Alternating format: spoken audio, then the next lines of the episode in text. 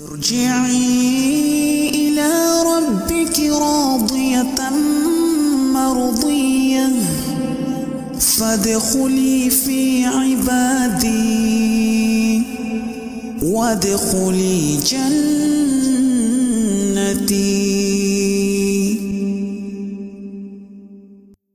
نحمده ونستعينه ونستغفره ونعوذ بالله من شرور أنفسنا ومن سيئات أعمالنا من يهده الله فلا مضل له ومن يضلله فلا هادي له وأشهد أن لا إله إلا الله وحده لا شريك له وأشهد أن محمدا عبده ورسوله Jazakallahu khairan. Pada malam ini kita berkumpul secara virtual dalam kajian online Sahabat Ilmu Darmais. Sebelum kita lanjutkan, ada baiknya kami perkenalkan sedikit tentang kelompok pengajian Sahabat Ilmu Darmais ini.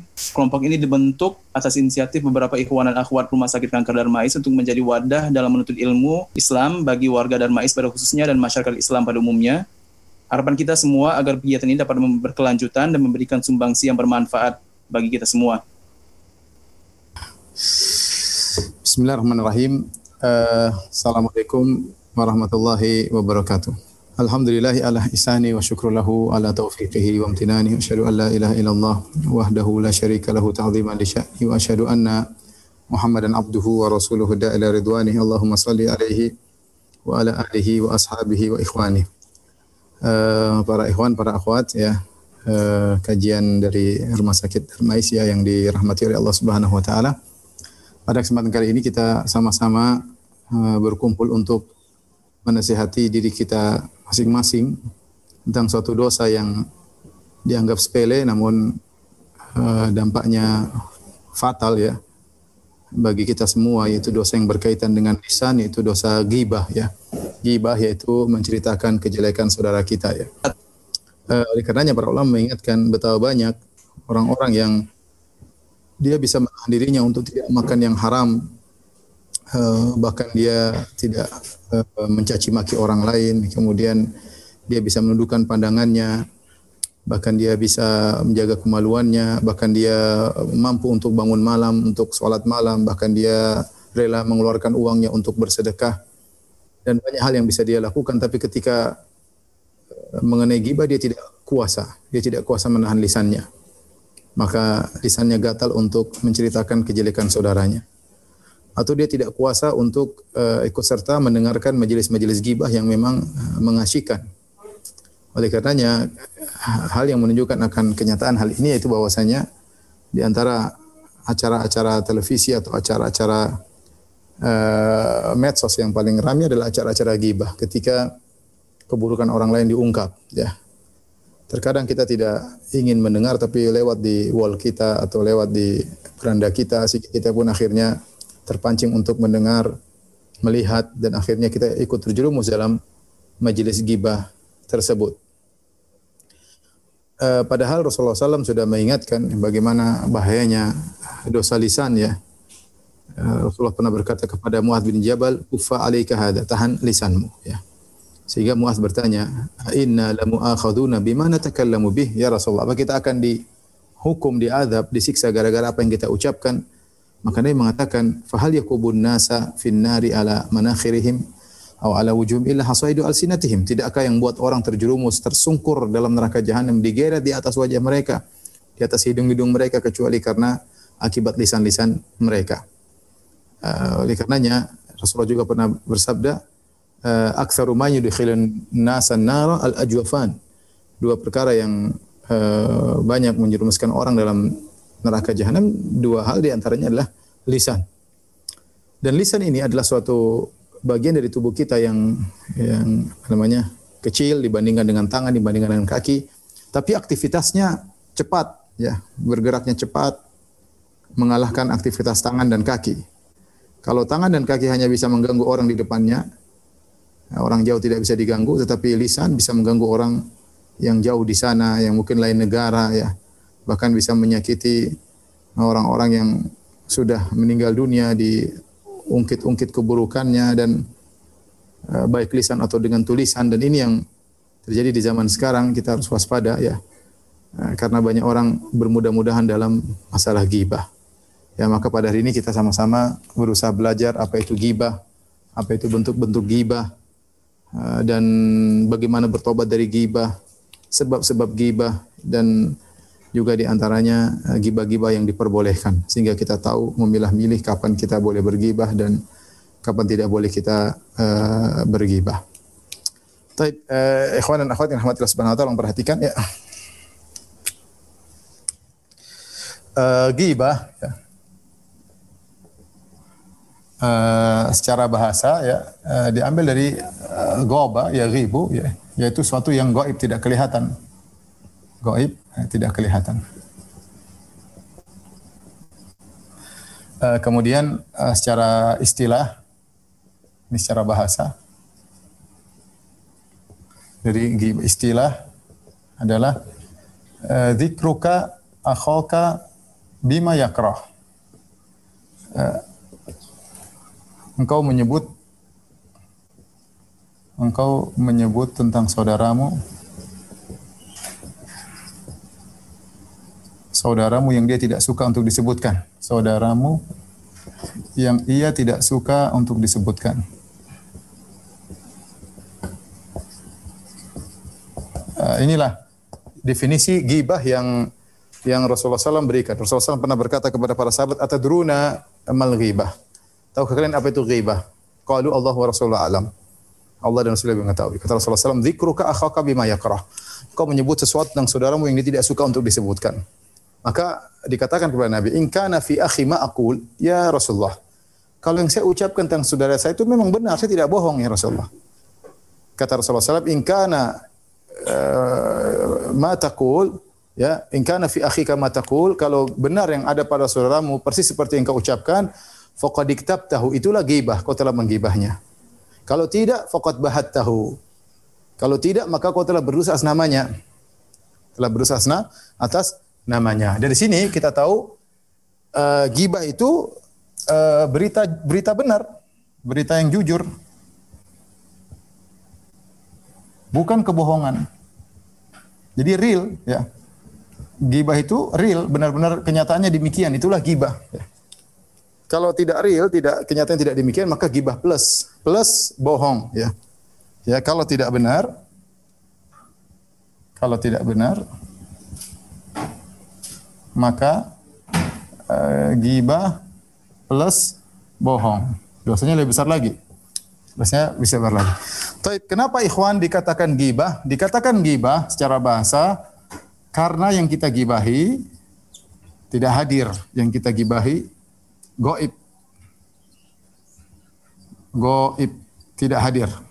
Makanya disebut dengan uh, gibah. Karenanya Allah Subhanahu wa taala menyamakan gibah seperti makan bangkai uh, saudara. Kata Allah Subhanahu wa taala yuhibbu wa la yaktab ba'dukum ba'dha. Janganlah sebagian kalian menggibah sebagian yang lain. Ayuhibbu ahadukum ayyakula lahma akhihi maitan. Fakarihtum. Apakah sebagian kalian suka memakan daging bangkai saudaranya yang sudah jadi mayat? Tentu dia tidak suka. Makanya disamakan dengan makan bangkai mayat. Karenanya disamakan dengan memakan bangkai mayat. Kenapa? Karena mayat tidak bisa berbuat apa-apa karena mayat tidak bisa bela diri. Tidak bisa bela diri. Sama dengan orang yang sedang kita gibahi, dia tidak hadir. Dia tidak bisa bela diri. Tidak bisa bela bela diri, ya. Taib, dari sini kita tahu kalau seorang menyebutkan keburukan saudaranya di hadapannya itu bukan gibah. Ustadz, kalau begitu kalau kita sebutkan keburukan orang di depan dia itu gibah atau bukan gibah? Itu namanya mencela.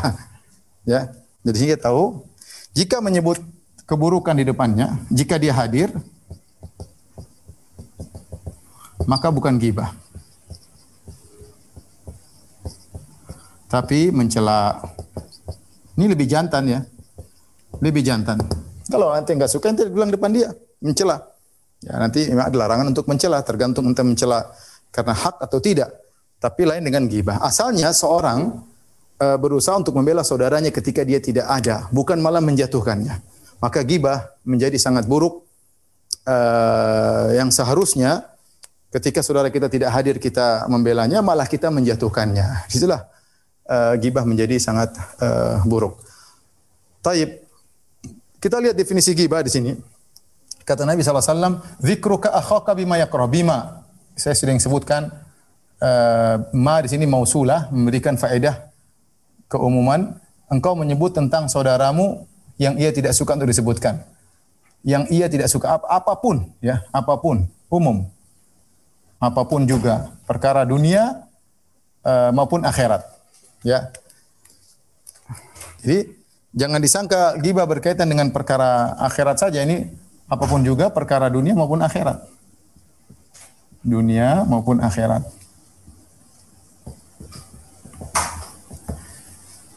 Perkara dunia umum mencakup dirinya, ya, mencakup dirinya, istrinya, keluarganya, ya, kemudian uh, sukunya, ya, misalnya dirinya umum misalnya fisiknya, akalnya, eh, akhlaknya dan lain-lain ya. Ini eh, gibah. Contoh tentang dirinya. Kita sebut fisiknya. Das gembrot. Si gembrot sudah datang belum misalnya? Si gendut, si kurus, si krempeng misalnya. Si pesek sudah datang belum? Bahkan sebenarnya salaf kalau seorang tidak tidak suka disebut rambutnya keriting, yang bilang dia keriting. Eh si kribo, dia sudah tahu, sudah tahu dia nggak suka dibilang kribo, kita malah bilang, eh si kribo belum datang eh. Sudah datang belum? Si keriting, si ini, si anu, ya si ya, misalnya. Si item ya. Dan banyak hal ya. Itu dengan fisiknya. Itu isi goblok datang belum ya? Si tell me sudah datang belum? Telat mikir ya si lemot ya, lemot otaknya lemot ya. Pentium 1 ya. Ya Jack ya. Dia tidak hadir tapi kita eh, sudah datang belum? Ini berkaitan dengan akalnya. Akhlaknya bisa itu yang suka uh, apa? Suka mencuri sudah datang belum? Atau ya gitulah akhlaknya. Yang suka masuk rumah tidak beri salam sudah datang belum? Berkaitan dengan dirinya. Ini semua adalah gibah. Dia tidak suka disebutin. Dia tidak suka disebutin. Timbul pertanyaan, Ustadz, kalau dia tidak benci disebutin, seorang misalnya pesek, dia senang dipanggil si pesek. Ya, dia senang dipanggil si pesek ya. E, kalau dia tidak dia tidak marah kalau disebut dengan si pesek, maka tidak termasuk dalam gibah. Tetapi bisa terjerumus dalam at-tanabuz bil alqab, yaitu memanggil-manggil dengan gelar yang buruk. Ya. Uh, wala tanabazu bil alqab kata Allah janganlah kalian saling manggil dengan gelar yang buruk. Si pesek itu tentu gelaran yang buruk ya. Sebaiknya kita nggak usah. Kita panggil dengan namanya yang baik namanya yang nggak usah kita gelari dengan gelar-gelar yang uh, yang ya, yang meskipun dia tidak marah ya. Tapi nggak usah. Yang kita orang Islam manggil dengan nama-nama yang uh, yang baik ya. Karena saya pernah hidup di suatu masa di kampung saya dulu. Ada orang kalau manggil temannya dengan nama binatang bukan nama dia tidak marah karena hal seperti candaan tapi ya panggil nama binatang ya. Itu berarti bukan bukan berarti kalau dia tidak marah tidak dosa. Dia tidak marah, tidak dosa, tapi uh, bukan berarti dia tidak dosa, justru dalam dosa, dalam dosa yang lain, bukan dosa gibah, tapi dosa tanabuz uh, tanabuz bil, bil alqab. Wala tanabadhu bil alqab. Janganlah kalian saling manggil-manggil dengan kata-kata gelar yang buruk. Berkaitan istrinya, itu loh, yang istrinya menor itu loh, ya seperti itu contohnya. Tentang keluarganya itu loh, yang anaknya begini, anak bapaknya begini, anaknya ingusan melulu kalau datang pengajian misalnya. Ibu-ibu misalnya gitu. Tentang sukunya itu loh, dari suku itu loh misalnya. Intinya gitu ya tentang dirinya, tentang keluarga, semua tentang diri, tentang pekerjaannya semua adalah gibah. Uh, umum berkaitan dengan akhirat ya misalnya tentang sholatnya yang malas misalnya ya uh, misalnya ya sholatnya oh, itu loh yang sholat subuh nggak pernah muncul misalnya dan yang lain-lain ya mungkin dia pelaku maksiat tentang maksiatnya ya dan lain-lain ini semua adalah gibah. Jadi mencakup apa pun jika kita sebutkan dia tidak suka maka itu termasuk daripada uh, gibah ya. Ingat ya ini semua boh uh, ini jujur ya. Gibah itu jujur ya. Kalau tidak jujur namanya gibah gibah uh, plus. Baik. Kita lanjutkan tentang hukum gibah. Hukum gibah. Uh, ada khilaf di kalangan para ulama tentang hukum gibah khilaf. Ada yang mengatakan dosa kecil. Ada yang mengatakan dosa besar. Disebut yang dosa kecil sekitar kurang lebih dua atau dua atau tiga ulama. Ada- Adapun ini mayoritas jumhur, mayoritas eh, dosa besar. Adapun yang mengatakan dosa kecil, mereka mengatakan karena hampir seluruh orang tidak terlepas darinya. Hampir seluruh orang tidak ada yang selamat. Kalau kita bilang ini dosa besar, kita bilang dosa besar, maka semua orang akan fasik. Kalau dosa besar, kalau dosa besar, berarti mayoritas manusia fasik. Muslim fasik. Pendapatnya kalau kita lihat ini pendapat secara logika, ini adalah eh, dalil logika ya, dalil logika dengan apa namanya? dengan konsekuensi. Konsekuensinya kalau orang melakukan dosa besar berarti kan fasik. Nah, kalau kebanyakan orang tidak selamat dari ghibah berarti mereka fasik semua. Adapun mayoritas ulama mengatakan dosa besar, ya, dalilnya banyak ya. Eh, dalilnya banyak. Di antaranya ikhwan dan akhwat rahmatillah subhanahu wa taala, itu di dalam surat Al-Hujurat, surat Al-Hujurat. Allah menyamakan dengan Allah menyamakan dengan makan bangkai. Gibah dengan makan bangkai manusia. Ya, kita tahu makan bangkai manusia eh, hukumnya dosa besar. Jangankan makan bangkai kita merusak aja nggak boleh. Ya. Rasulullah mengatakan bahwasanya kas, kasrul idham eh, eh, muslim apa namanya mem- mematahkan eh, tulang seorang muslim sama saja hayyan au mayyitan hukumnya sama saja. Sebenarnya kita tidak boleh mematahkan dagingnya ketika dia masih hidup, matahkan tulangnya, demikian ketika yang masih sudah meninggal juga tidak boleh. Seorang mukmin dia masih hidup atau sudah meninggal dunia dia tetap mulia. Ya, tetap mulia. Maka eh, tidak boleh kita merobek apalagi kita makan dagingnya. Ini eh, ketika gibah disamakan dengan memakan bangkai mayat seorang muslim eh, dan itu adalah dosa besar maka gibahnya juga dosa dosa besar ya. Ini adalah gambaran yang paling tidak baik dari Allah Subhanahu wa taala ketika Allah menggambarkan begini gambar yang sangat buruk. Auhibbu ahadukum an ya'kula lahma maitan fakarihtumu. Apakah sebagian kalian suka makan bangkai bangkai saudaranya? Tentu dia tidak suka. Ya akhi, eh, kita jangankan bangkai manusia, kita makan bangkai sapi yang lezat aja kalau jadi bangkai kita nggak suka. Ya, kambing aja kalau jadi bangkai kita nggak suka. Apalagi kalau bangkai eh, manusia, apalagi manusia tersebut saudara kita. Apalagi manusia tersebut teman pengajian kita, ya, ibu-ibu pengajian, gibah ibu pengajian yang lain. Apalagi bangkai tersebut ya, ustadz kita, ustadznya digibahi ya. Karena sebagian orang kalau sudah habis bahan menggibahi temannya, ustadznya digibahi. Hati-hati ibu-ibu, ya jangan suka gibahi ustadz ya. Ustadz punya kesalahan, ibu datang nasihati. Itu baru murid yang benar. Tapi kalau murid ngomong di belakang, prrrr, jadi apa? Kajian gibah ya, majelis gibah. Hati-hati ya. Tapi ini menunjukkan gibah dosa besar. Di antaranya eh, gibah sebab siksaan khusus. Di antaranya eh, azab kubur. Eh, di antaranya eh, apa namanya yang dilihat oleh Nabi oleh Nabi ketika Isra Mi'raj sallallahu alaihi wasallam. Uh, Rasulullah SAW ketika Isra Mi'raj Rasulullah SAW melihat uh, tentang apa namanya orang-orang lahum azfarun min nuhasin yakhmishuna ala wujuhim. Man haula ya Jibril? Kata Nabi ya Rasul ya kata Rasulullah wahai Jibril tadi lihat ada orang-orang dia punya kuku, kuku mereka terbuat dari logam, dari tembaga atau yang lainnya, yakhmishuna wujuhim mereka cakar wajah mereka wa ala sudurihim. Dada mereka mereka cakar wajah mereka mereka cakar.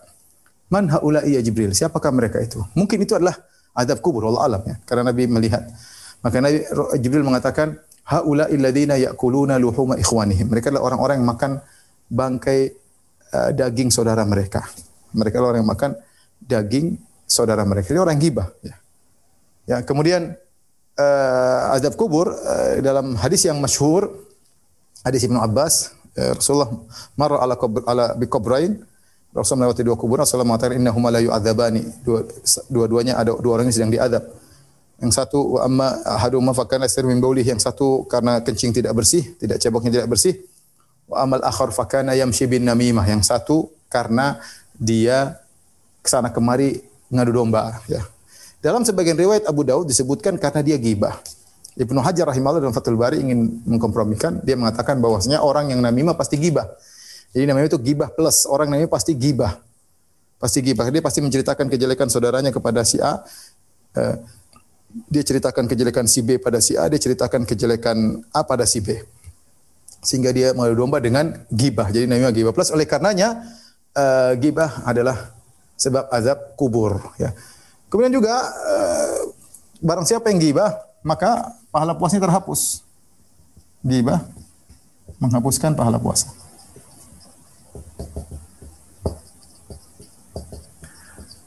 Ya, ya. Makanya Nabi apa namanya eh, disebutkan bagaimana bahkan sebagian ulama, sebagian sahabat kalau tidak salah Anas bin Malik atau sebagian ulama berpendapat orang yang gibah puasanya batal. Puasanya eh, eh, batal ya.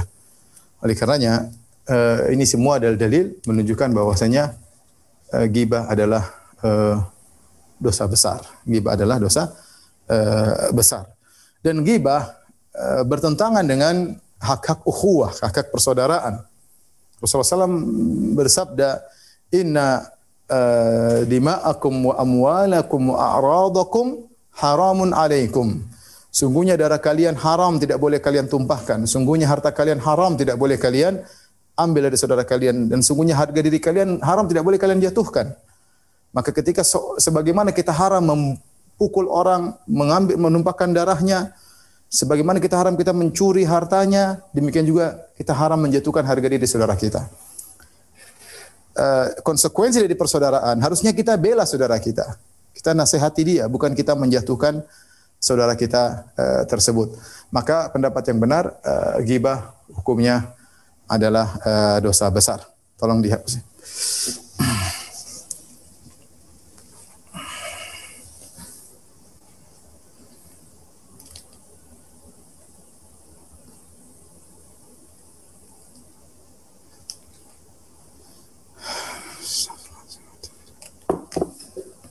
Taib uh, ikhwan dan akhwat yang dirahmati Allah Subhanahu wa taala. Ibn Taimiyah rahimahullahu taala uh, di sebelumnya Al-Ghazali uh, juga uh, menyebutkan tentang apa sih hal-hal yang membuat uh, seorang terjerumus dalam ghibah.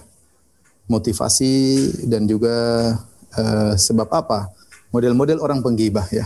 Sampai uh, Al-Ghazali menyebutkan 11 tipe, Ibn Taimiyah menyebutkan 8 tipe. Saya akan sebutkan sebagian saja ya ada hal-hal yang menyebabkan seorang melakukan gibah ya. Di antaranya ikhwan dan akhwat yang dirahmati Allah yang paling sering adalah sebagai bumbu majelis ya. Jadi lagi uh, gibah kemudian uh, ada yang ngomong nggak enak kalau nggak ada bahan omongan jadi ngomong cerita eh si fulana cerita gibah uh, bumbu majelis ya kemudian uh, jadi uh, namanya majelis kalau tanpa gibah kurang lezat dan gibah itu bikin majelis jadi lezat. Makanya saya katakan buktinya tadi paling enak adalah nonton majelis gibah. Ya, sekarang berita-berita paling enak adalah membongkar kesalahan orang, paling enak. Nonton apa pun, berita inilah berita anu lah berita ini berita anu. Uh, yang kedua di antaranya adalah gibah. Kita kenapa ikut gibah? Karena dalam rangka untuk sinkronisasi dengan teman ngobrol kita. Kita ngobrol tiga orang, empat orang, lima orang. Satu sudah mulai gibah. Kalau kita diam saja nggak enak. Masa dia lagi cerita semangat, cerita cerita kejelekan orang, kita diam-diam saja. Apalagi kita, astagfirullah, astagfirullah, ya nggak nyambung lah. Kayaknya uh, gimana majelis tersebut? Nggak nyaman. Nyamannya kita ikut gibah baru nyaman. Jadi sinkronisasi. Ya, mensinkronkan diri dengan kawan kita yang bergibah ini juga sering terjadi ya. Oh iya iya iya kita iya iyain. Padahal tahu itu adalah gibah ya. Seharusnya kita lakukan apa? Seharusnya kita lakukan tegur ya akhi, jangan akhi. Nah, itu gibah tidak boleh ya. Bahkan ada keutamaan orang yang menroda uh, apa uh, an akhihi ya. Barang siapa yang membela saudaranya, uh, Allah akan membela dia dari menjauhkan dia dari neraka jahanam. Harusnya kita bela saudara kita kalau sedang digibah. Kita bilang ya akhi sudahlah akhi. Ini gibah ya akhi. Atau kita bilang memang dia begitu tapi dia punya kebaikan. Ente kenapa sebutin kebaikannya ke keburukannya saja? Ya akhi kayak ente enggak punya salah, ente dia, dia punya salah, ente juga punya salah. Kita bela. Kita bela karena ini maksiat. Bela untuk menyelamatkan dia agar dia berhenti. Jangan dia terus eh, berkelanjutan dalam gibahnya sehingga detik demi detik pahala dosanya semakin banyak. Ya. Jadi jangan kita mensinkronkan diri kita dengan orang yang bergibah. Kalau kita nggak mau bertegur, ya kita istighfar, astagfirullah, astagfirullah. Atau kita berpaling, kalau bisa kita berpaling meninggalkan. Ya, fa imma nunsiyannaka syaitan fala taq'ud ba'da dzikra mal qaumidz zalimin. Kalau kau lupa, eh ternyata gibah, pergi. Pergi. Karena barang siapa yang di situ bermajelis, maka dia ikut-ikutan gibah. Ikuti meskipun dia tidak ngomong tapi dia dengar, dia menikmati, dia tidak mengingkari, dia bisa masuk dalam majelis gibah. Dan saya ingatkan, majelis gibah bisa dalam langsung live, bisa juga dalam kelompok-kelompok WA. Hati-hati ya. Grup WA gibah orang, hati-hati. Eh, kemudian di antara sebab gibah misalnya karena hasad. Karena hasad. Hasad ini membuat seorang mudah untuk menggibah saudaranya. Jadi ingin saudaranya jatuh. Ingin saudaranya jatuh. Ini terjadi di antara orang-orang yang saling bersaing ya di antara ya misalnya dalam bersaing dalam perkara ini maupun perkara akhirat ya. Namanya hasad kadang timbul ya. Eh, kadang dalam masalah agama seorang hasad sama, sama sesama eh, misalnya dai hasad kepada yang lain, semat penuntut ilmu hasad kepada yang lain ya. Dikanya Ibnu Taimiyah rahimahullah menyebutkan di antara bentuk uh, uh, yang seharusnya dilakukan seorang ketika dia hasad sama orang, misalnya si A hasad sama si B, Kemudian si B sedang dijatuhkan. Seharusnya dia bela, tapi dia biarin aja. Karena penjatuhan si B itu sesuai dengan seleranya. Dia pingin si B jatuh, tapi dia tidak mau gibah. Dia takut gibah. Dia tahu gibah itu dosa. Maka dia menahan diri ber, ber, berperang melawan hasad yang ada dalam dirinya. Tapi ketika ada orang lain menjatuhkan si B, kata Ibn Taimiyah, Ibn Taimiyah mengatakan harusnya dia bela, meskipun dia hasad sama si B. Ketika dia tidak membela si B, padahal si B butuh untuk dibela, maka satu saat Allah akan meninggalkannya. Dia akan ditinggal oleh Allah di saat-saat dia membutuhkan pertolongan Allah Subhanahu wa taala karena seharusnya dia bela saudaranya, dia tidak bela gara-gara karena uh, dia tidak suka sama orang tersebut. Ya, jadi bisa saja ketika orang hasad orang menggibah atau ketika dia hasad dia tidak menggibah tapi dia membiarkan gibah berlangsung kepada orang tersebut. Dan dia biarkan. Ini juga tidak diperbolehkan. Di antara sebab uh, gibah adalah ria. Ya, ini yang parah ini kata Ibn Taimiyah rahimahullah taala, gibah plus ria. Ya, seperti apa? Seperti uh, menceritakan kejelekan orang untuk mengangkat dirinya. Seperti mengatakan, wah si fulan, ah, sholat subuh nggak pernah kelihatan. Sehingga orang paham kalau dia sering sholat subuh di masjid.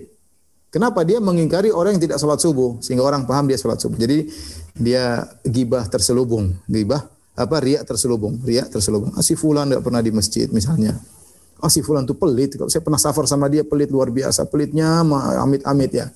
Seakan-akan dia mengatakan kalau saya saya tidak pelit. Dia pelit adapun saya tidak uh, tidak pelit. Si fulan tuh masya Allah saya jalan sama dia, oh, matanya ngelirik cewek melulu. Pramugari lihat dari atas sampai bawah. Ya. Uh, seakan-akan dia mengatakan kalau saya tidak demikian. Jadi dia memuji dirinya dengan menjatuhkan uh, orang lain. Maka itu uh, adalah uh, bentuk uh, gibah ya. Jadi sebab gibah adalah karena uh, karena ria. Di antara gibah sebabnya karena dendam ya.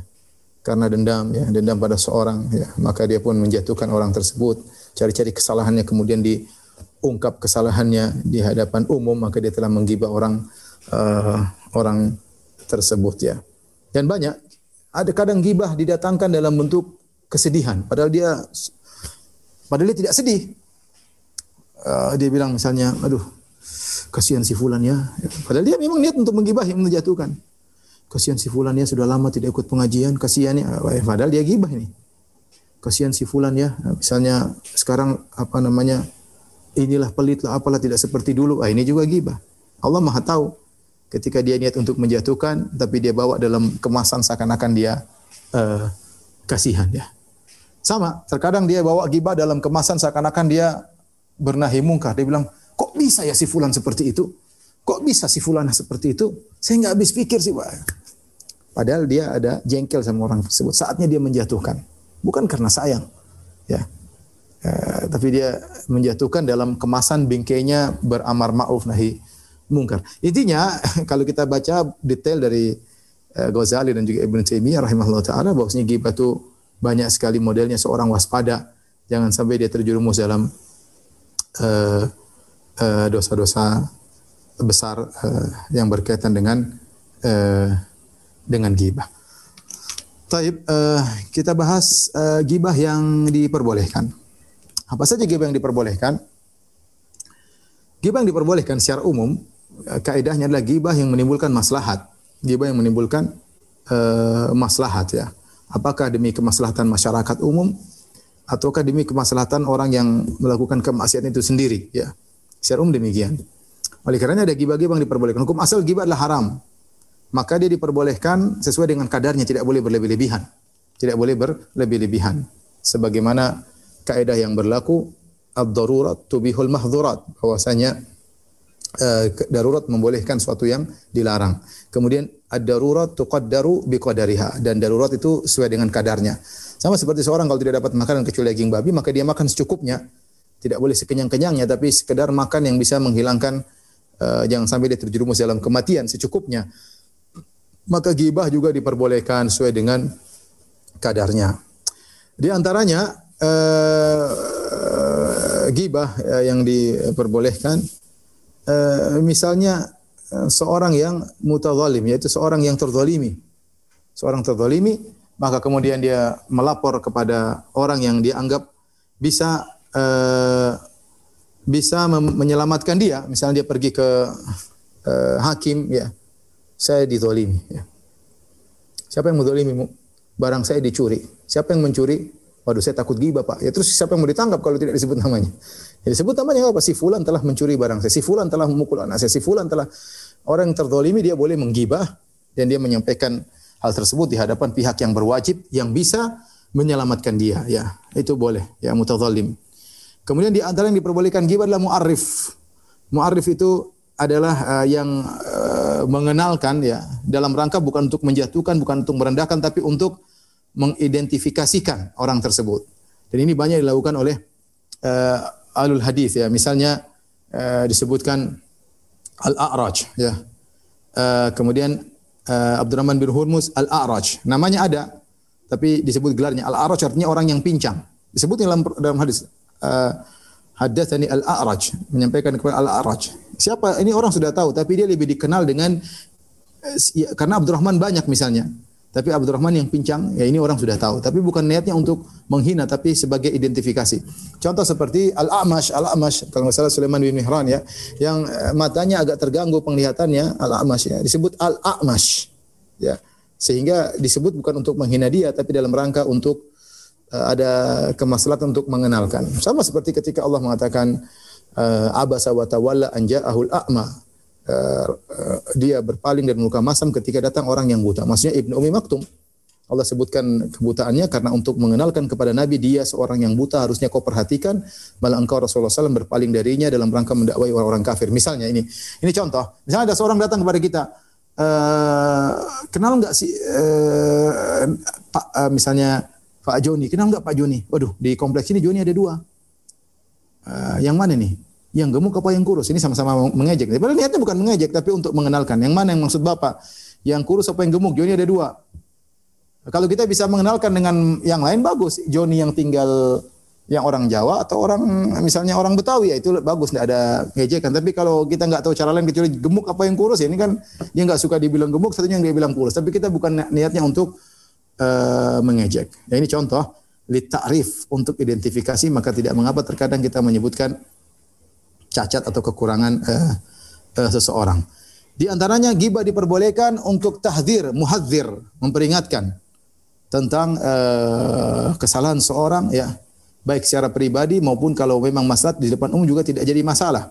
Seperti ketika Nabi Shallallahu alaihi wasallam didatangi oleh uh, Fatimah bintu Qais, kemudian uh, dia mengatakan ya Rasulullah bahwasanya uh, Muawiyah dan Abu Jaham telah melamarku ya Bagaimana saya pilih yang mana ya Rasulullah dua-duanya telah mengkhidbahku.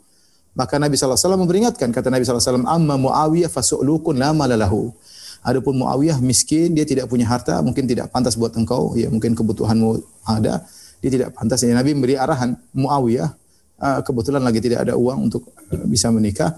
Wa amma Abu Jaham uh, fadarrabun lin nisa atau la yadau asahu an atiqihi. Adapun Abu Jaham suka mukul perempuan, mukul istri.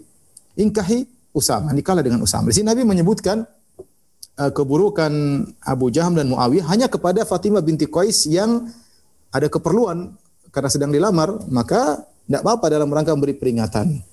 Sama seperti orang datang kepada saya, Ustadz, bagaimana muamalah dengan si fulan? Waduh, ya saya harus tidak boleh saya sembunyikan. Si fulan begini, cuma dia kekurangan di sini. Kekurangannya begini, begini, begini. Harus saya sampaikan, tidak boleh saya diam-diam. Tidak boleh, oh bagus, bagus. Tidak boleh, namanya saya mendus, berdusta ya. Tidak boleh, saya menjerumuskan saudara. Saya harus jelaskan kekurangannya begini, begini, begini, agar dia punya, terserah dia mau lanjut atau tidak, terserah dia. Atau misalnya seorang, dan ini terjadi, datang kepada saya, Ustadz, uh, uh, seorang akhwat dilamar oleh seorang ikhwan. Ustadz kenal dia enggak? Oh kenal. Bagaimana menurut Ustadz? Ya, saya ditanya.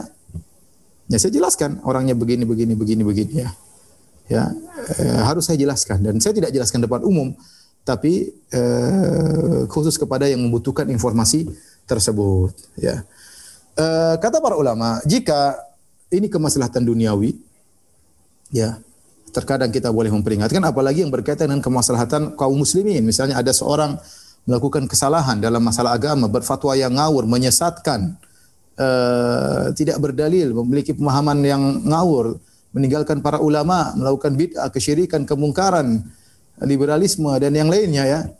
Maka tidak mengapa kita bantah di depan umum, tidak jadi masalah apalagi kalau fatwa dia sudah tersebar di depan umum. Ya, sudah. Ya sudah tersebar ya kita bantah di depan umum, bukan pribadi lagi, boleh di depan umum. Kalau kita bisa ketemu secara pribadi, oke. Okay. Kalau tidak, kita boleh bantah, tidak nunggu ketemu dia, belum tentu bisa ketemu dia. Ketemu dia pun belum tentu dia mau ketemu. Ya kalau sudah tersebar kita boleh bantah di depan umum dalam rangka uh, memperingatkan. Tidak jadi masalah. Apakah orang tersebut memang dasarnya sudah sesat ataukah dia seorang yang uh, uh, mukmin tapi kemudian uh, punya kesalahan tapi sudah tersebar kita boleh menasihati untuk uh, klarifikasi kalau tidak kita boleh bantah dalam rangka memperingatkan kesalahan. Ini gibah yang diperbolehkan. Di antaranya gibah yang diperbolehkan adalah seorang yang menampakkan kefasikannya tidak malu diterang depan-depan umum dia berzina depan umum atau dia berzina kemudian dia videoin kemudian dia sebarkan di internet atau dia buka aurat di depan panggung orang ini tidak apa-apa kita gibai dari sisi itu dari kemaksiatan yang dilakukan Jangan kita bicara lagi tentang oh dia tidak berbakti sama orang tuanya, dia sama suaminya begini enggak. Dari maksiat dilakukan itu kita tidak apa-apa kita ungkapkan di depan umum karena orang pun sudah tahu semuanya. Tidak jadi masalah. Tidak jadi masalah karena dia sudah di depan umum terang uh, terang-terangan. Orang seperti ini tidak mengapa di eh, digibahi ya. Demikian juga kalau ada orang datang minta tolong sama kita, eh, dia melihat suatu kemungkaran. Tolong bantu saya, ada orang melakukan kemungkaran di sana. Siapa? Dia sebutin. Orang yang begini-begini, maka kita boleh membantu untuk mengingkari kemungkaran. Di antara gibah-gibah yang diperbolehkan. Di antara juga saya sering ditanya, misalnya kita gibah untuk kemaslahatan orang kita gibahi. Misalnya kita sekeluarga, kemudian kakak atau adik kita ada masalah. Kita ngobrol di antara kakak dan saudara yang lain tentang adik kita. Bukan untuk menjatuhkan dia, tapi kita gimana nih adik kita sebutin. Atau misalnya kita suami istri, tetangga kita melakukan kesalahan. Uh, diskusi sama suami dengan istri gimana kita hadapi tetangga kita. Kita sebutkan keburukan dia di hadapan istri, di hadapan suami, tapi dalam rangka untuk mengatasi permasalahan yang sedang terjadi atau demi kemaslahatan orang yang sedang kita uh, gibahi. Ini tidak jadi uh, tidak jadi masalah. Maka dari sini kita tahu kadar gibah yang diperbolehkan, hati-hati jangan kita melampaui batas. Yang terakhir yang kita bahas, ikhwan dan akhwat yang dirahmati Allah Subhanahu wa taala, bagaimana uh, bertobat dari gibah. Ya akhi gibah uh, ya uh, sebelum kita gibah kita renungkan, sungguhnya gibah itu merugikan diri kita sendiri. Orang yang menggibah berarti dia mentransfer pahala. Kalau kita gibah saudara kita, kita transfer pahala sama dia. Jadi kita sholat malam baca Quran, kemudian siang-siang kita gibah, kita bagi-bagi. Ada orang seperti itu, pagi malam sholat malam, pagi bersedekah, siang-siang gibah sana, gibah sini, transfer pahala. Masya Allah. Beramal untuk orang lain. Ya. Beramal untuk orang orang lain. Ya. Makanya ada syair mengatakan, kalau ada orang gibah kepada engkau, bersyukurlah, berterima kasihlah kepada dia. Syukron kamu sudah gibah saya. Tambah aja enggak apa-apa. Karena dia akan transfer pahala kepada kepada kita. Enggak usah kita ngomong-ngomong, biarin aja. Biarin aja, ya. Eh, makanya disebutkan di antara hikmah kenapa para sahabat tetap dimaki-maki oleh orang Syiah karena Allah ingin semakin meninggikan para sahabat dimaki-maki orang Syiah. Dosa-dosa sahabat di-offer kepada mereka, ya, atau e, kebaikan mereka di-offer kepada para para sahabat, ya. Maka sebelum kita menggibah kita pikir, jangan kita gibah orang. Bahkan sebagian ulama ada yang mengatakan, kalau saya mau menggibah, orang yang paling utama saya gibah adalah bapak ibu saya. Mereka yang lebih butuh pahala dari saya. Ya, kalau saya mau menggibah, saya akan gibah bapak dan ibu saya. Mereka yang butuh pahala dari dari saya. Sampai ada seorang datang kepada Hasan al-Basri kalau tidak salah. Dia mengatakan, Hasan al-Basri, saya dengar engkau menggibah saya. Hasan al-Basri mengatakan, siapa kau saya gibah engkau? Ngapain saya kirim pahala sama kamu? Saya tidak, kau tidak pantun saya gibahi. Artinya kalau kita mau gibah, gibah kepada orang yang kita cintai agar pahala kita di offer kepada dia. Maka orang yang berbuat gibah itu dia menderita hari kiamat. Pertama, pahala di offer. Yang kedua, dia offer kepada orang yang dia benci. Bayangkan si A hasad kepada si B. Dia yang gibahin si B terus. Kemudian pada hari kiamat dibangkitkan keduanya, si A offer pahala kepada si B. Padahal dia benci sama si B ini. Sungguh menyakitkan ketika harta kita atau kebaikan kita diambil oleh orang yang kita benci. Kalau diambil sama orang kita sayang, ya apa-apa. Diambil sama orang kita benci, itu penderitaan orang yang bergibah. Di akhirat, pahala dia diambil oleh orang yang uh, yang dia gibahi, yang dia gibahi. Ya. Jadi, jangan kita berbuat gitu. Tahan lisan. Tahan lisan ya. Tahan lisan. Pikir, bahwasanya kita hanya buang-buang energi dan kita hanya buang-buang pahala kita dan kita hanya sakit hati Eh, kenapa kita gatal ingin cerita keburukan orang lain? Biasakan diri kita jangan ceritakan keburukan orang lain. Ya.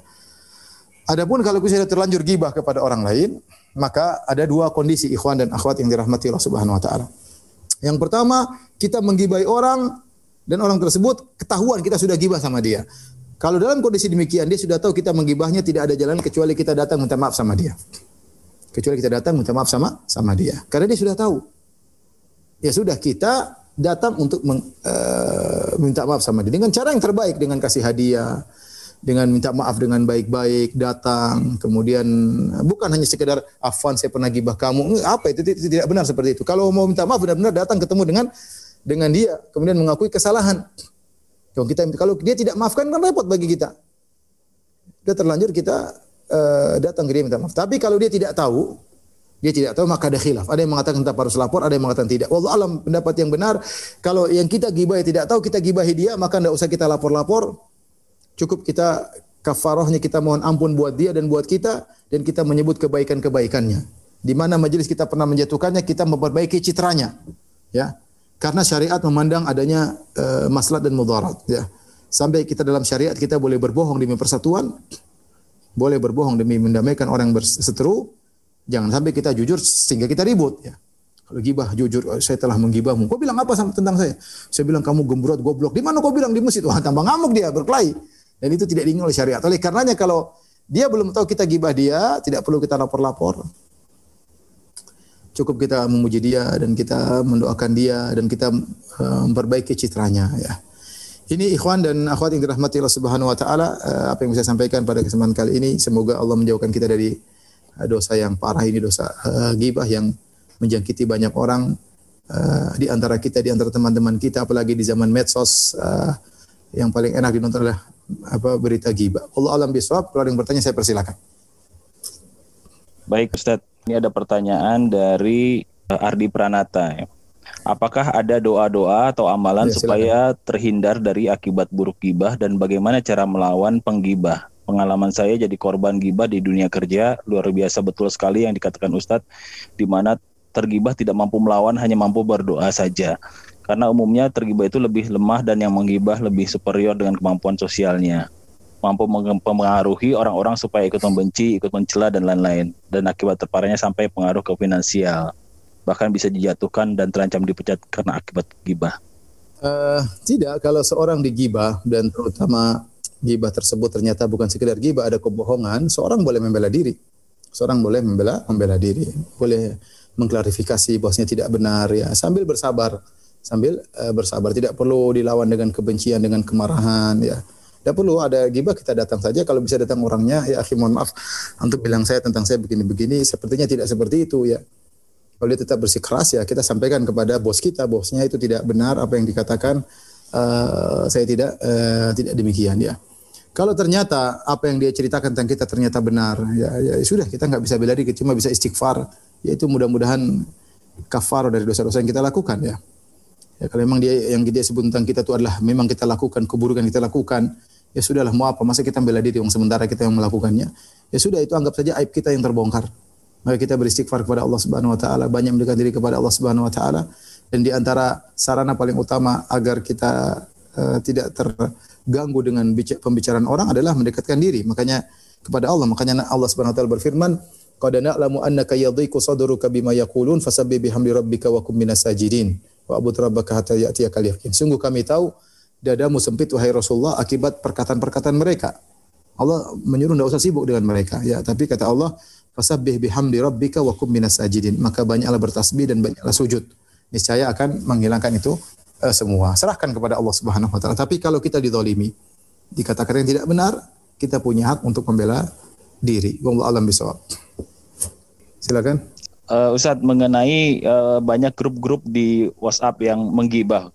Bagaimana hukum seseorang yang ada di dalam grup WA tersebut tetapi tidak ikut menggibah Ustadz? Apa yang harus dilakukan orang tersebut Ustadz?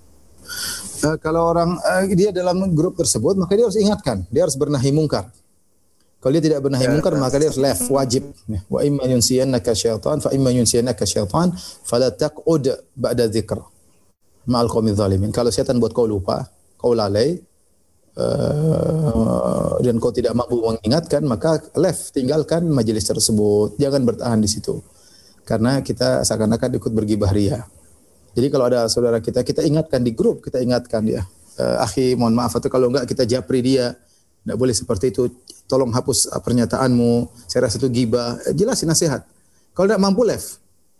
Yang kita menambah dosa kita dengan buat grup. Kita buat grup mencari pahala bukan mencari dosa. Wallah alam bisawab. Apakah termasuk gibah jika curhat atau cerita ke teman perihal salah satu orang tua yang kurang dalam tanggung jawab terhadap anak dan keluarga? Jazakallah khair. Tidak boleh kita curhat kepada sembarang orang. Ya, kalau kita curhat sembarang orang berarti kita menggibahi uh, orang tua kita, menggibahi saudara kita, kerabat kita, ya. Uh, menggibah suami kita dan banyak wanita-wanita menggibah suaminya atau suami menggibah istrinya. Ini tidak boleh ya.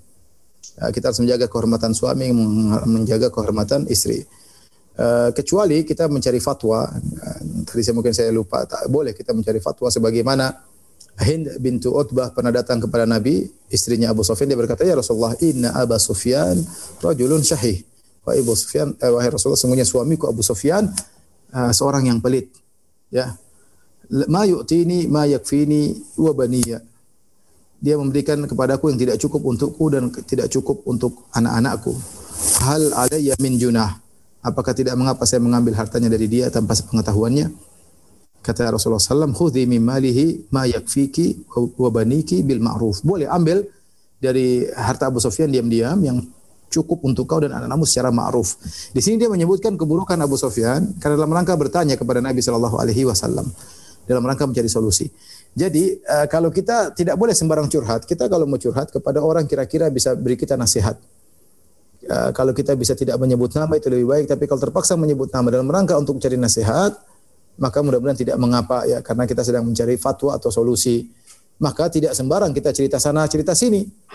Sebagian orang ke sana ke sini ketemu temannya cerita suaminya, kita suaminya atau sebagian suami ketemu teman cerita istri, cerita istri terus terus ini namanya uh, bongkar-bongkaran aib uh, pasangan. Uh, tidak boleh.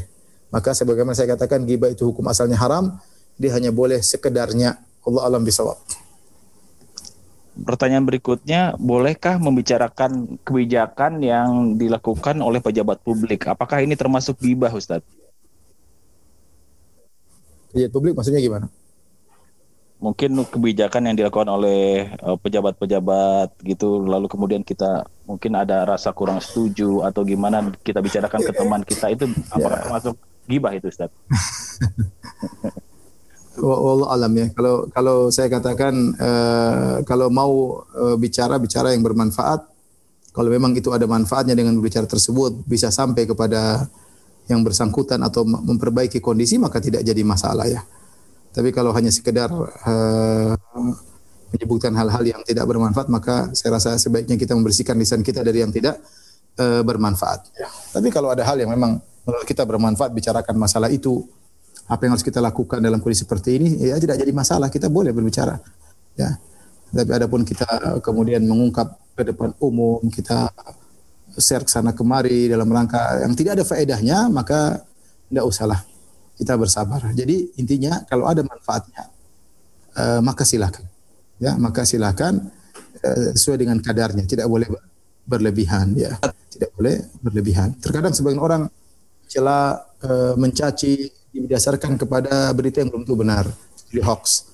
Atau dia mencela atau mencaci sementara dia tidak tahu hujah dari uh, pejabat yang mengeluarkan kebijakan tersebut. Coba dia, dia coba dia tahu, dia diskusi, dia pikir oh ini sudut pandang tidak pantas saya kemudian harus uh, mencelanya. Kalau kita tidak bisa merojikan, penting diam daripada kita mencela dari dibangun di atas suatu dasar yang kita tidak punya dasar yang kuat. Dan itu banyak kejadian seperti itu ya.